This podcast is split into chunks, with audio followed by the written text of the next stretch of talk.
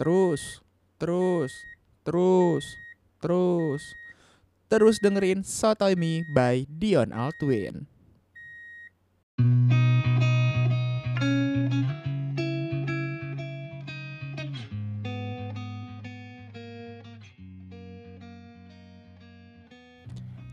Hai, selamat datang di episode 11 di Sotoy by Dion Altwin. Gak kerasa udah sampai di episode 11 dan kali ini gue mau membahas tentang sesuatu yang menarik.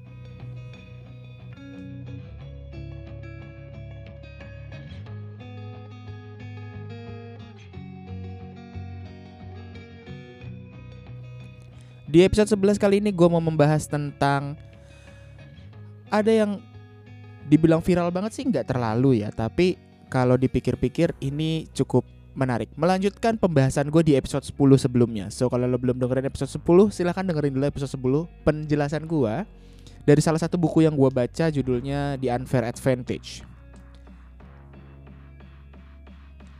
Dan di buku tersebut kalau gue baca gitu ya, gue recap sedikit mungkin ya. Jadi di dalam kehidupan kita itu ada satu hal yang disebut dengan yang namanya unfair advantage. Unfair advantage itu kayak sebenarnya serangkaian uh, bukan kejadian ya, tapi serangkaian modal kita dari lingkungan kita dari apa pun itu yang sebenarnya bisa menunjang kesuksesan kita di dari dibandingkan dengan orang lain. Nah, di unfair advantage ini kemarin nih menurut gue sempet cukup menarik pembahasannya di Twitter karena gue baca jadi uh, pembahasan mengenai kalau lo mau kerja ada orang dalam tuh kayaknya membantu lu banget gitu. Lu nggak harus punya uh, skill apa-apa tapi lu bisa bekerja which is wrong menurut gue kalau lu nggak punya skill apa-apa tapi lu bisa kerja. Tapi ada benernya juga pengaruh orang dalam itu adalah uh, salah satu unfair advantage yang kita harus compare dengan orang lain. Misalkan gini deh gue kasih contoh. Kalau seandainya uh, ada dua orang nih misalkan satunya gua satunya si kita sebut saja si B gitu ya. Gua dan B itu kalau kita bayangkan kita punya background yang sama persis. Terus kita juga uh, setidaknya secara edukasi kita sama. Kemudian ya anggaplah kita berdua ini uh, mutlak gitu ya. Dion dan B itu secara skill secara personal secara uh, capability sama. Tapi Bang membedakan adalah ketika gue melamar di suatu pekerjaan, gue punya kenalan nih di perusahaan tersebut di mana e, prosesnya itu pasti akan berbeda dengan e, si B gitu. Karena apa? Ketika gue punya kenalan, peluang gue untuk masukin CV dan langsung dibaca e, gini gini beda beda gini.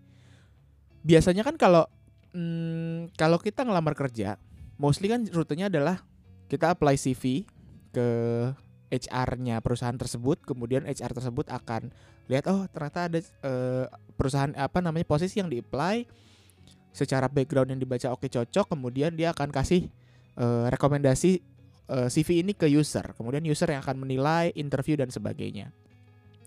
Tapi kalau kita punya orang dalam, mostly case-nya terbalik guys. Jadi ketika kita punya orang dalam untuk posisi yang kita mau, gitu ya, orang dalam ini bisa apa pun ya bisa teman bisa keluarga bisa koneksi kita dari experience kita sebelumnya dari entah pekerjaan sebelumnya ataupun dari teman sekolah teman kuliah atau apa pun lah pokoknya kenalan kita koneksi kita. Ketika gua melamar kerja melalui unfair advantage tadi dari orang dalam tadi nih. Ketika gua melamar kerja kemudian gua pakai jalur orang dalam ini dan apa ya gue bilang eh bedanya adalah CV gua probabilitasnya adalah akan nyampe ke user duluan dibandingkan dengan si B tadi yang apply via HR. Kenapa? Karena ya biasanya orang kita tahu orang dalam itu karena biasanya dia tahu bahwa oh si user A ini lagi memang mencari orang di posisi tertentu dan dia tahu kita cocok, kita sesuai, dia kasih langsung usernya. Jadi user bisa langsung assess tanpa melalui HR. kalau user merasa cocok ya secara jalur mungkin CV gue dan CV-nya si B akan lebih cepat dibaca punya gue dan dengan uh, istilahnya melalui orang dalam uh, si user tuh kadang-kadang punya trust gitu bahwa oh iya orang ini direkomendasin sama kolega sama pak kolega gue sama temen gue sama partner gue di kantor yang gue udah tahu dia kalau kerja seperti apa dan kemungkinan dia akan mempromosikan orang seperti apa nah jadi sebenarnya kalau kita bayangin di sini antara gua dan si B tadi yang gua kasih sebagai contoh tadi, menurut kalian coba kalian pikirin mana yang probabilities dapat kerjanya lebih gede? Ya kita bisa bayangkan kalau prosesnya kayak gini ya pasti probabilitasnya lebih gede si A. Apakah si B? Apakah dengan kita melalui orang dalam menjamin kita pasti dapat kerja? Ya enggak juga. Tapi dengan prosesnya lebih cepat, probabilitasnya makin besar. Ingat gue nggak bilang mutlak akan dapat kerja, tapi probability-nya most likely kita akan dapat. Gitu. So, ini yang menarik sih. Karena banyak orang berpikir di Indonesia bahwa ya I know finding for a job is hard, but kalau pola pikirnya adalah kalau pola pikirnya adalah mau kerja itu butuh orang dalam, itu menurut gua, menurut gua itu pola pikir yang salah karena gua pribadi gua bekerja, gua hmm, tidak melalui orang dalam, which is gua pakai jalur reguler, gua apply via HR, kemudian uh, gua di HR kontak gua, kemudian gua wawancara dengan user dan sebagainya sih sampai gua diterima di pekerjaan gue yang sekarang. Tapi apakah uh, dengan menjadi orang dengan melalui orang dalam kita dapat kerja nggak juga karena beberapa case gue pernah uh, diminta sama uh, teman atau kolega di kantor eh ada nggak kenalan lu yang uh, kira-kira cocok nih untuk posisi ini gue cari kalau menurut gue gue punya kenalan waktu itu case nya adalah gue punya kenalan cocok gue kasih usernya eh gue kasih cv-nya ke user which is yang kayak tadi gue ceritain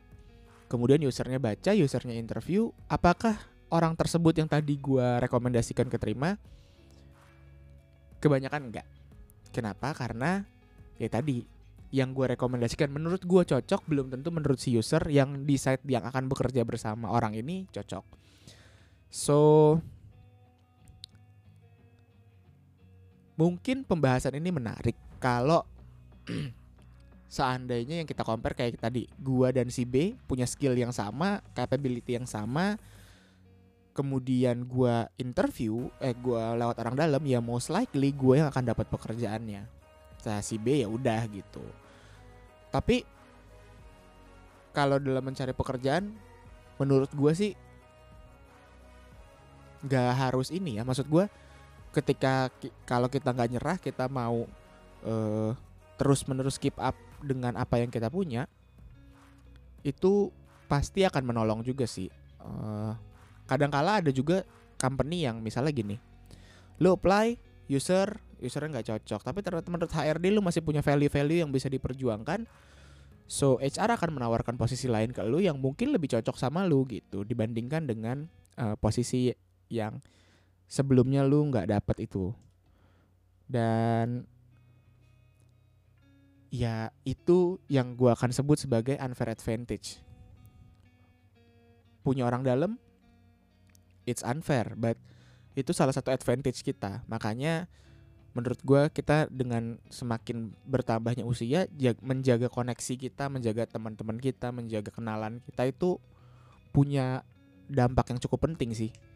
Karena ketika suatu saat kita ya kayak tadi contohnya eh, cari kerja kemudian ada orang dalam ya tadi probabilitasnya most likely gue akan dapet pekerjaan tersebut karena flow yang gue ambil beda dari pelamar melalui jalur reguler gitu melalui HR tapi apakah itu mm, eh, 100% mutlak? Enggak. Ya kayak tadi gue bilang gue udah punya experience sebagai orang dalam. Dan ternyata rekomendasi yang gue berikan belum cocok sama usernya. So sebagai penutup di episode kali ini, mungkin yang gue bisa share adalah apakah uh, dengan kita punya orang dalam pasti dapat pekerjaan? Tidak. Most likely iya tapi semua itu kembali lagi kepada kitanya. Kalau kitanya punya value yang unik punya uh, apa sesuatu yang bisa kita tawarkan untuk perusahaan dan ataupun kita bisa uh, kita bisa showcase kita itu siapa dengan baik itu bisa jadi booster juga untuk kita get a job gitu. Karena di uh, di zaman sekarang ini menurut gua kadang kadang-kadang tuh kita nggak apa ya kadang-kadang mungkin mungkin gini mungkin banyak orang yang akhirnya nggak dapat dapat pekerjaan putus as bukan putus asa ya ya udah capek lah gitu. Aduh gua nggak dapat dapat pekerjaan. Tapi kadang-kadang kita juga harus introspeksi sih kayak aduh gua kurangnya apa ya? Karena dulu waktu gua sambil cari kerjaan sembari gua apply di sana di sini ya apa yang gua lakukan? Gua uh, menambah value gua dengan cara gue ikut short course gua memperdalam uh, proses-proses yang uh, baik. Kayak misalnya gimana sih caranya kita uh, showcase diri kita? Misalnya through LinkedIn, through CV, how to aiming the right way gitu kan. Kayak misalnya uh, different company, different CV, different experience yang mesti lu masukin.